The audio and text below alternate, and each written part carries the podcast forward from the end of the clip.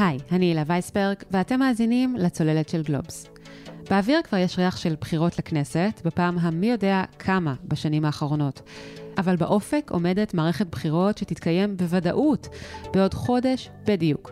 הבחירות לתפקיד יושב ראש ההסתדרות, ארגון העובדים הגדול והחזק במדינה.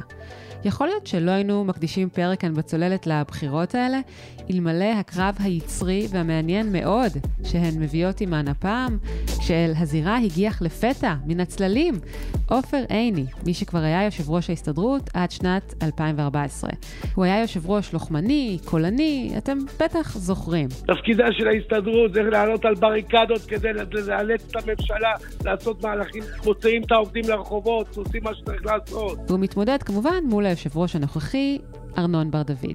הצדק ינצח, לא הקשקשנים, כי הכוח בא מהעובדים. היום השניים האלה הם יריבים, אבל עד לפני שנתיים בסך הכל, עיני היה מהראשונים לפרגן ואפילו לגונן על בר דוד רגע לפני שנכנס לתפקיד. אתם חברים גם ברמה האישית? כן, אני איש על הכיפאק.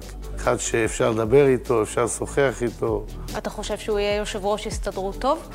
אני חושב שיהיה יושב ראש הסתדרות מצוין. זה היה עיני מתוך כתבה של עמליה דואק בחדשות 12 משנת 2019. אבל מאז כבר זרמו הרבה מים בנהר, וכך נשמע עיני לפני כחודשיים, בריאיון שנתן לתוכנית קלמן ליברמן בכאן רשת ב'. אני חושב שצריך פה שינוי, כי ההסתדרות הפכה להיות בשנתיים האחרונות, בתקופה אולי הכי קשה לעובדים. לא רלוונטית, לא שמעת את קולה. אז עכשיו, חודש בדיוק לפני הבחירות להסתדרות, התכנסנו כדי להבין את הסיפור הזה יותר טוב. מה אנחנו יודעים על כל אחד מהמועמדים?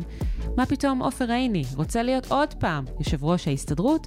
מה הסיכוי שיצליח להביס את בר דוד? ואם יצליח, האם זה טוב או רע לציבור העובדים?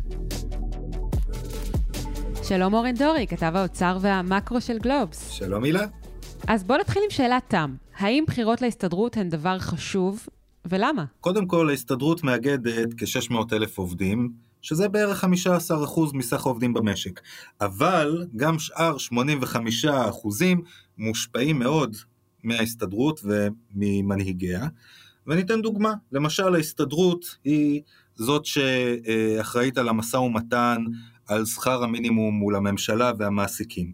שכר המינימום כמובן משפיע גם על הרבה עובדים שלא מאוגדים בהסתדרות. כן, העובדים שמאוגדים בהסתדרות הם כוללים את uh, רוב המגזר הציבורי. Uh, מעבר לזה גם יש את החברות uh, פרטיות שהעובדים שלהם התאגדו תחת ההסתדרות. אנחנו מדברים על חברות פרטיות גדולות כמו סלקום למשל, פלאפון. לצד זה במגזר הציבורי כמובן אנחנו מכירים את החברות ה...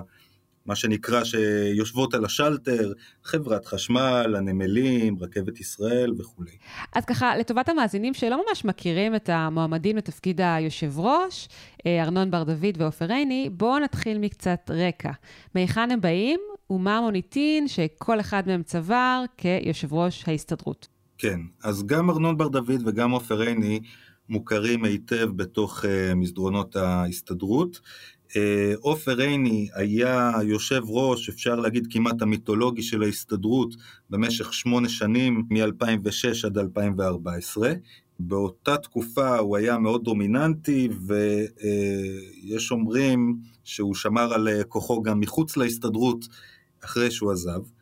אה, ארנון בר דוד גם הוא צמח בתוך ההסתדרות, אה, הוא הרבה שנים בייצוג ועדי עובדים, התחיל עוד לפני עשרות שנים כ... נציג אה, עובדי עיריית תל אביב, בהמשך הוא התקדם להיות אה, יו"ר אה, הסתדרות המעוף בתפקידו הקודם, ומשם, אחרי פרישתו של אבי ניסנקורן, היושב ראש הקודם, ארנון בר דוד נכנס למלא את תפקידו, ומ-2019 הוא אוחז במושכות. ארנון בר דוד הוא נחשב למנהיג פרגמטי, פחות שומעים אותו בנאומים חוצבי להבות וב... אה, רעיונות אה, עתירי רייטינג, אבל הוא בן אדם שיודע לעשות את העבודה. ב... אפשר לעשות איתו עסקים, כן. אפשר לעשות איתו עסקים. אנחנו יודעים שגם היו לו יחסים אה, אה, טובים עם הממונה על השכר באוצר, אה, קובי בר נתן. אפשר להסתדר איתו. בואי נגיד שאויביו יכולים אה, לסבול מאוד מנחת זרועו. אבל בדרך כלל הוא פרגמטי, ויודעת מה, אני יכול להגיד גם, גם כשארנון בר דוד צועק ומשתולל, לא בטוח שהוא מרגיש ככה באמת בבטן, הוא לפעמים יודע גם לעשות הצגות כדי להביא להישגים. עופר עיני לעומתו, הוא באמת בן אדם כנראה יותר יצרי, יותר אה, כוחני באופיו, יותר מוחצן בהנהגה ובשליטה שלו, אה, ולכן יש גם לא מעט אנשים שחוששים לעבוד איתו, גם זוכרים את הקדנציה הקודמת שלו, שהתאפיינה גם בשביתות במשק ובלא מעט אה, פיצוצי משאים ומתנים. מבחינת ההישגים לעובדים, אה, מי מהם נחשב אה, מיטיב יותר? כאן באמת יש שתי אסכולות בין העובדים. יש עובדים שתומכים יותר בגישה של פעם, שההסתדרות צריכה להיות אה, חזקה, לצעוק, לשבת על השלטרים, לדעת להתנגד בשביל להביא הישגים למען העובדים. מצד שני, יש את הגישה היותר חדשה, היותר מודרנית, שאומרת, הישגים אפשר להביא לא רק בקרבות, אפשר להביא הישגים גם בשיתוף פעולה, במשא ומתן. זאת גישה שיותר תואמת את ארנון בר דוד. כאן באמת תלוי, יש עובדים שחושבים שהשיטה של עופר עיני, הכוחנית והצעקנית, היא תשמר יותר שליטה אצל העובדים. יש כאלה שחושבים שדווקא עדיף לעשות את העבודה מאחורי הקלעים.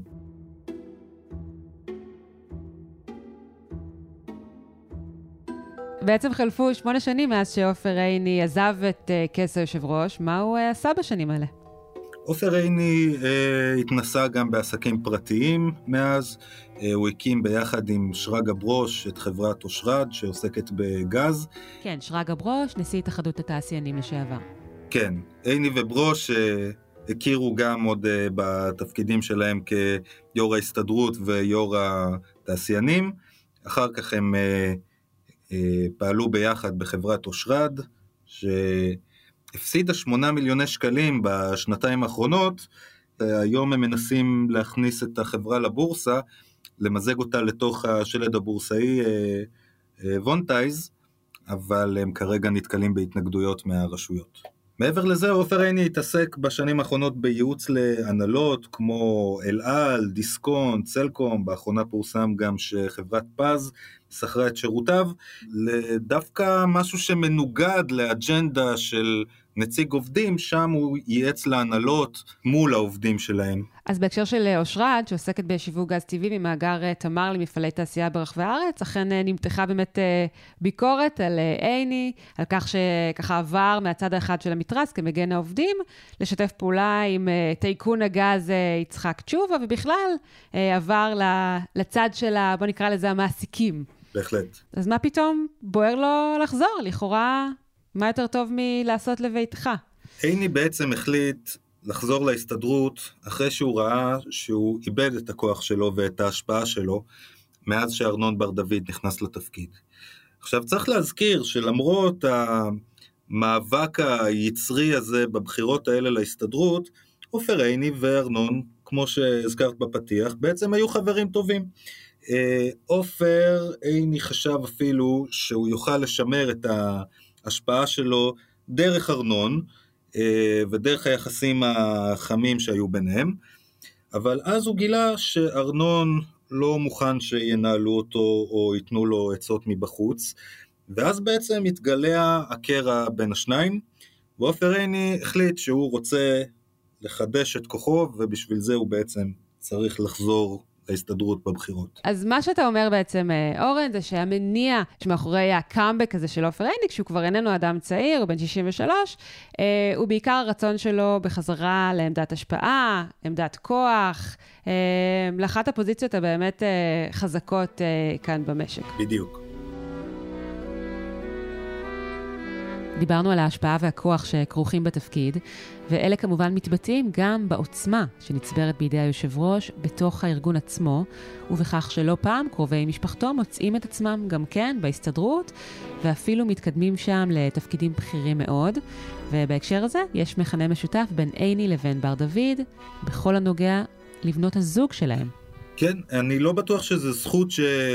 מובנית בתפקיד של יושב ראש הסתדרות לקדם את בני משפחתו, אבל בפועל אנחנו רואים שזה קורה, גם מבחינת בנות הזוג, אנחנו רואים באמת שבת זוגו של עופר עיני, רבית דום, קודמה להיות אה, מנכ"לית רשת בתי הספר עמל, אה, אשתו של ארנון, הילה, אה, היא מנהלת היום בין השאר את מועדון ההטבות שלך, של ההסתדרות, ואם כבר אנחנו מדברים על קרובי משפחה, שווה לציין שאחיו הצעיר של עופר עיני, בני, למעשה אה, הוכנס על ידי עופר להסתדרות לפני 15 שנה, בתחילת הקדנציה הקודמת של עופר, אה, ומונה להיות מעין אה, יו"ר הקואליציה של עופר, אלא שעופר פרש, ובני נשאר בתפקיד כמנכ"ל הסיעה שהפכה להיות היום הסיעה של ארנון בר דוד. אז בעצם נוצר מצב כזה משונה שבני עיני מריץ את ארנון בר דוד נגד אחיו הגדול עופר עיני, ככה שהבחירות להסתדרות אה, חוצות גם משפחות. איך אה, עופר אה, עיני מקבל את, את העובדה שאח שלו עומד מאחורי היריב הגדול שלו היום בבחירות להסתדרות? אני בטוח שהסוגיה נפיצה מאוד בארוחות שישי במשפחת עיני. צריך גם לשאול את האח השלישי, עזרא עיני, ולראות מה עוד יש במשפחה. צריך לציין שזו משפחה עם יחסים מורכבים. אה, והיחסים בין עופר לבני ידעו עליות וירידות לאורך השנים, ואם תשאלי את בני עיני הוא יגיד לך, אה, מה את רוצה הילה, שאני אתפטר מתפקידי רק בגלל שעופר עיני, אחי, אה, מתמודד עכשיו מול ארנון? אז זאת שאלה. ואגב, החזרה באמת הדרמטית הזו של עופר עיני אה, לזירה, יכול מאוד להיות שגם העובדה שהעסקים שלו אה, לא בדיוק אה, פרחו בשמונה השנים האלה, זה גם עומד מאחורי ההחלטה הזו לנסות לשוב ולהתמודד על תפקיד יושב ראש ההסתדרות. בהחלט. אורן, בוא נלך כמה צעדים לאחור ונדבר על המנגנון. הרבה פעמים מדברים על כך שהתפקיד עובר בירושה, מהיושב ראש הנוכחי לאחד מנאמניו בהסתדרות. ב-2007 זה קרה בחילופים שבין עמיר פרץ לבין עיני. אחר כך ב-2014 היורש היה אבי ניסנקורן. ב-2019, כשניסנקורן פרש לטובת הפוליטיקה, המקל עבר לבר דוד. אז למה מתכוונים כשמדברים על ירושה בנוגע לתפקיד יושב ראש ההסתדרות, ומה קורה הפעם? אוקיי, okay, אז השאלה היא קודם כל, האם מדובר בבחירות כלליות בהסתדרות כמו שקורה עכשיו, שבהן לכל אחד מבעלי זכות ההצבעה בהסתדרות, כל אחד מ-600 אלף העובדים המאוגדים יכול לבחור במי שהוא רוצה כיושב ראש, לבין הפעמים הקודמות שבהם נבחר ארנון בר דוד ולפניו אבי ניסנקורן, שאפשר להגיד במידה מסוימת שקיבלו את התפקיד בירושה. למה?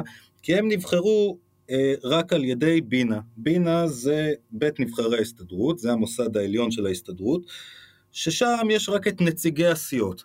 ככה שאם עופר עיני למשל בשעתו המליץ על אבי ניסנקורן שיירש אותו, אז הוא יכל לקדם את זה בבית נבחרי ההסתדרות, בבינה, אה, היה שם יותר כוח לאשר את הבחירה של ניסנקורן. דבר אה, דומה קרה אחר כך עם ארנון בר דוד, שגם אה, היה אמור להיות ממלא מקומו של ניסנקורן שפרש ב-2019, נבחר על ידי בינה ונשאר uh, כמינוי קבוע עד עכשיו. בשני המקרים, אגב, היו עתירות, במקרה של uh, ניסנקורן איתן כבל uh, עתר, אחר כך uh, הייתה עתירה אחרת לבג"ץ, ששתי העתירות האלה נדחו, העתירות ביקשו לעשות בחירות כלליות בהסתדרות, ולבטל את הבחירות המצומצמות האלה של בכירי ההסתדרות בבינה, אבל העתירות כאמור נדחו. לפי החוקה אמורות להיות בחירות כלליות, בפעמים הקודמות זה לא קרה. אבי ניסנקורן נבחר אחרי שעופר עיני המליץ עליו לתפקיד, ובסוף זה מה שבחרו בבינה. אז בעבר בכל זאת ידענו גם אה, בחירות של ממש בהסתדרות, כמו הבחירות שהתקיימו ב-2013 בין איתן כבל אה, לבין עופר עיני, כשעיני כידוע ניצח. אבל הבחירות הנוכחיות נחשבות ליצריות ומלוכלכות במיוחד. למה בעצם, ואיך זה בא לידי ביטוי? כבר לפני חודש-חודשיים התחילו הלכלוכים אה, בין המטות השונים. עוד לפני שעופר עיני הכריז רשמית על ההתמודדות שלו, כבר ניסו אה, אנשים אה, מהצד הנגדי להציג אותו באור שלילי, להזכיר את כל המאבקים שהיו בעבר אה, בין עופר עיני לבין המדינה, לרבות כל השביתות שראינו, וברגע שעופר עיני החליט שהוא מגיש רשימה, אז כבר התחיל הקרב האמיתי. עופר עיני רצה להקים סיעה חדשה, סיעת סלע, שתרוץ בראשותו להסתדרות. בשביל להקים סיעה חדשה צריך להגיש 5,000 חתימות של תומכים. עופר עיני ואנשיו גייסו אה, את החתימות, אלא כשהם הגישו אותם לוועדת הבחירות של ההסתדרות, ועדת הבחירות שכרה חברה שהתקשרה אחד-אחד לכל אחד מהאנשים שחתמו על תמיכה בסיעתו של עופר עיני, ושאלו האם הם באמת תומכים. חלק מהאנשים, לא מעט מהם אפילו, אמרו שהם לא זוכרים שהם uh, חתמו על תמיכה בעופר עיני, uh, או שהם אפילו טענו שהם לא חתמו. בעקבות זה ההסתדרות, ועדת הבחירות של ההסתדרות, האשימה את עופר עיני בזיוף ומרמה.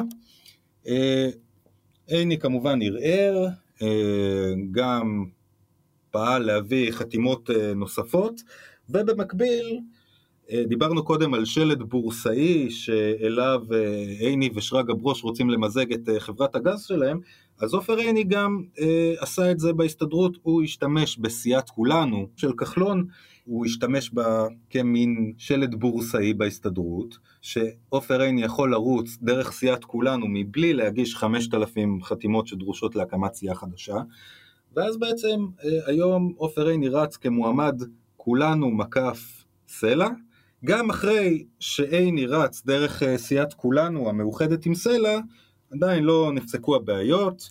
ועדת הבחירות של ההסתדרות רצתה להגיש אה, תלונה למשטרה נגד עיני, עיני בתגובה אמר שהוא גם יגיש תלונה והוא אפילו הגיש תביעה על כך, אה, הוא טען שבוועדת הבחירות של ההסתדרות נמצאים מקורבים לבר דוד, ושהם לא יכולים אה, לשמש אה, תפקיד אובייקטיבי, וכך הוא טוען שבעצם אה, ההסתדרות תופרת מבפנים את הבחירה המחודשת של בר דוד. וישנו גם רכש חדש ומעורר מחלוקת שעופר עיני מביא עמו למרוץ הזה. מי זה? בהחלט, אלון חסן, ההוא מנמל אשדוד, יושב ראש ועד כן, העובדים כן, המיתולוגי. כן. שזכור לנו mm-hmm. גם uh, מפרשת השחיתות בנמל, uh, הורשע לפני שנתיים במרמה והפרת אמונים. הוא תומך היום בעופר עיני, הוא אפילו הוציא פוסט uh, תמיכה פומבי במועמדות של עופר עיני. כששואלים את uh, אלון חסן למה הוא תומך, מה יש לו בעד עופר ומה יש לו נגד uh, ארנון, אז הוא בעצם מזכיר את אותה פרשת שחיתות בנמל מלפני כמעט עשר שנים, שהתפוצצה עוד אה, בשלהי הכהונה של עיני.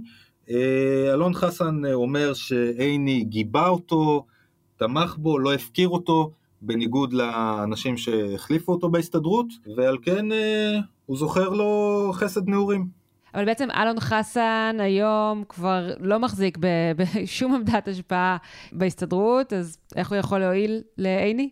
כן, קודם כל עצם זה שעיני מנסה לגייס אנשים עכשיו מבחוץ, אה, מחוץ להסתדרות, זה מראה אולי על אה, חולשה מסוימת שלו. אלון חסן, אה, הוא, אחרי שהוא נחווה מההסתדרות, הוא עבר להסתדרות הלאומית, היא סוג של אופוזיציה להסתדרות, ניסה לייצר שם מין איזה ועד אלטרנטיבי לעובדי הנמל, זה למיטב ידיעתי לא מאוד הצליח, אבל עיני מנסה להביא את כל מי שהוא יכול עכשיו, הוא הביא גם אה, נציג מארגון כוח לעובדים, שגם הוא ארגון מתחרה להסתדרות, והוא בעצם מביא את כל האופוזיציונרים כרגע. מה שקורה, בצד אחד של השכר, לא רק שלא העלו, הקפיאו שכר. קח את מזכ"לית הסתדרות המורים. למה, הרי גם למורים יש קורונה. למה היא לא הסכימה להקפיא את השכר? למה היא דורשת שכר למורים? ובצדק, היא עושה את מלאכתה כלפי ציבור העובדים שלה.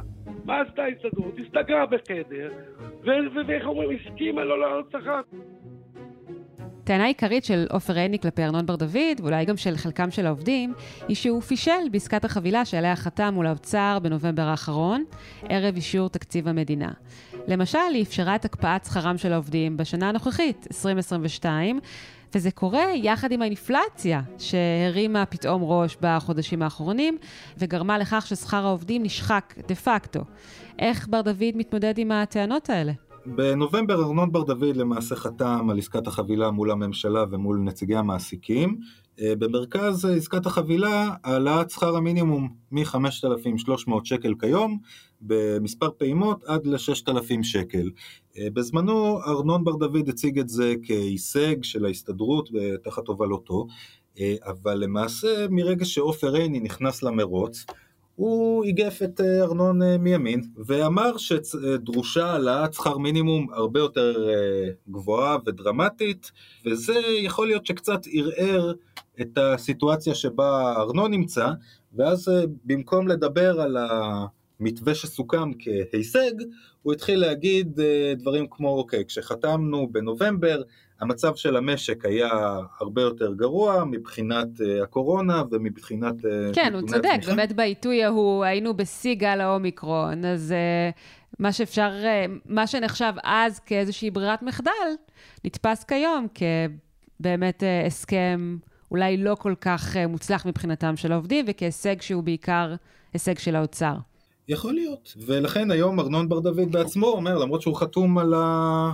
מתווה של העלאת שכר המינימום אה, מ-5,300 ל-6,000, היום הוא אומר שצריך להעלות את זה יותר, בפעימות אה, אה, יותר מהירות ויותר גבוהות, ואנחנו נראה מה יקרה אם, אם הכנסת תחזור מהפגרה, והנושא של שכר המינימום עדיין דרוש חקיקה, צריך כן, צריך גם לומר שעופר עיני כיום אה, תוקף את אה, בר דוד על זה שבאמת מדובר בהעלאה מאוד הדרגתית ואיטית של שכר המינימום, אבל כאשר הוא היה בתפקיד יושב ראש ההסתדרות, הוא דיבר על כך ששכר המינימום צריך לעלות באופן הדרגתי, כך שדברים שרואים מפה לא רואים משם, אנחנו מכירים את זה אה, כמעט מכל אה, סיטואציה שבה אדם עובר מתפקיד היושב ראש, המנכ"ל או ראש הממשלה לתפקיד האופוזיציונר, והפוך. בוודאי הרבה יותר קל להתלונן מבחוץ.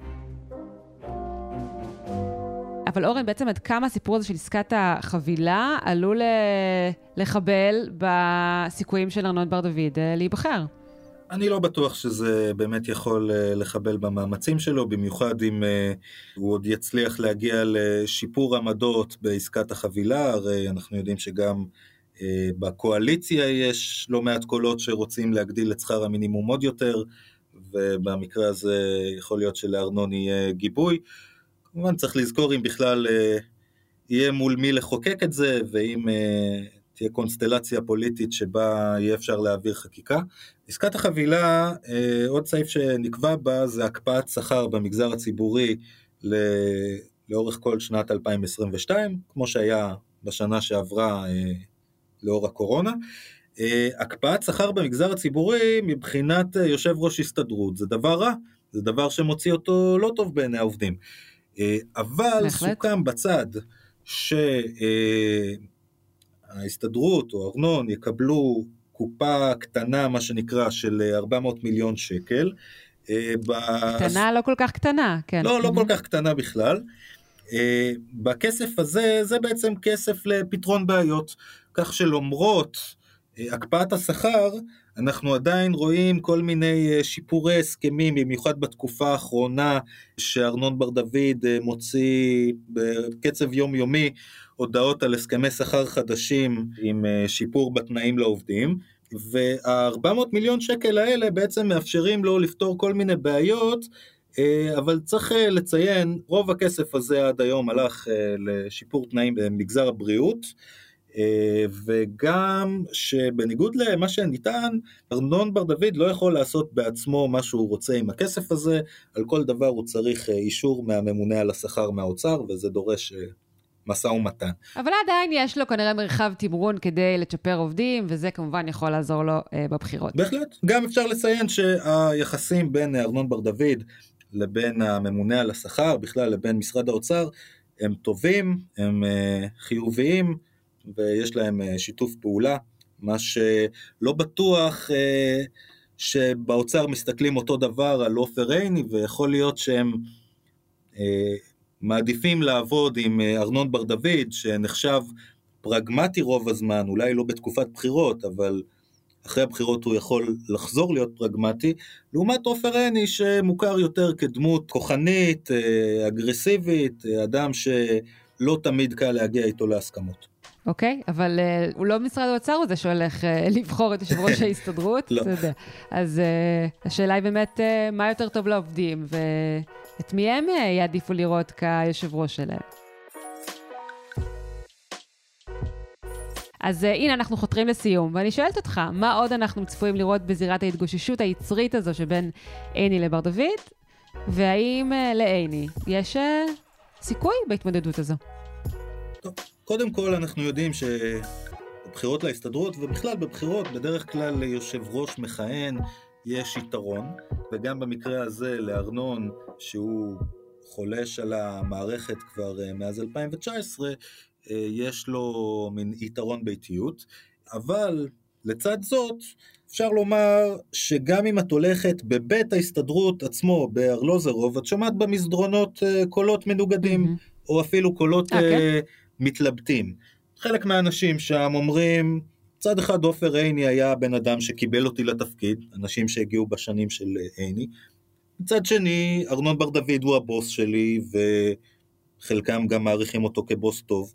אז ככה שגם בתוך בית ההסתדרות עצמה יש דילמה למי להצביע, שלא לדבר על uh, ועדי העובדים של הגופים החיצוניים, שאנחנו יודעים שיש uh, ועדים שכבר הכריזו על uh, תמיכה בעופר עיני למשל, אבל זה לא אומר בהכרח שכל העובדים יצביעו uh, בהתאם לעמדה של ראש הוועד. מי הם הוועדים האלה אגב, שהביעו כבר תמיכה בעופר עיני? בין הארגונים שיש בתוכם תמיכה גדולה בעופר עיני, אפשר למנות את אה, סלקום, דואר ישראל, המכון הביולוגי, רשות האוכלוסין והגירה וארגוני מנופאים. אז מה שאתה אומר, אורן, זה שעוד עשויה להיות כאן אה, איזושהי הפתעה, איזשהו טוויסט בעלילה, ואנחנו עשויים לראות את עופר עיני חוזר לכס אה, יושב ראש ההסתדרות? מוקדם לומר, יש עוד חודש בדיוק ליום הבחירות. ההערכות כרגע זה שארנון מוביל, אבל שזה לא יהיה בחירות חד צדדיות, זה בטוח, וכנראה שהדרמה עוד לפנינו. טוב, אורן, אנחנו כמובן נמשיך ונעקוב. כל הסיפור הזה הוא כמובן יצרי אה, וגועש ומעניין מאוד. תודה רבה. תודה לך.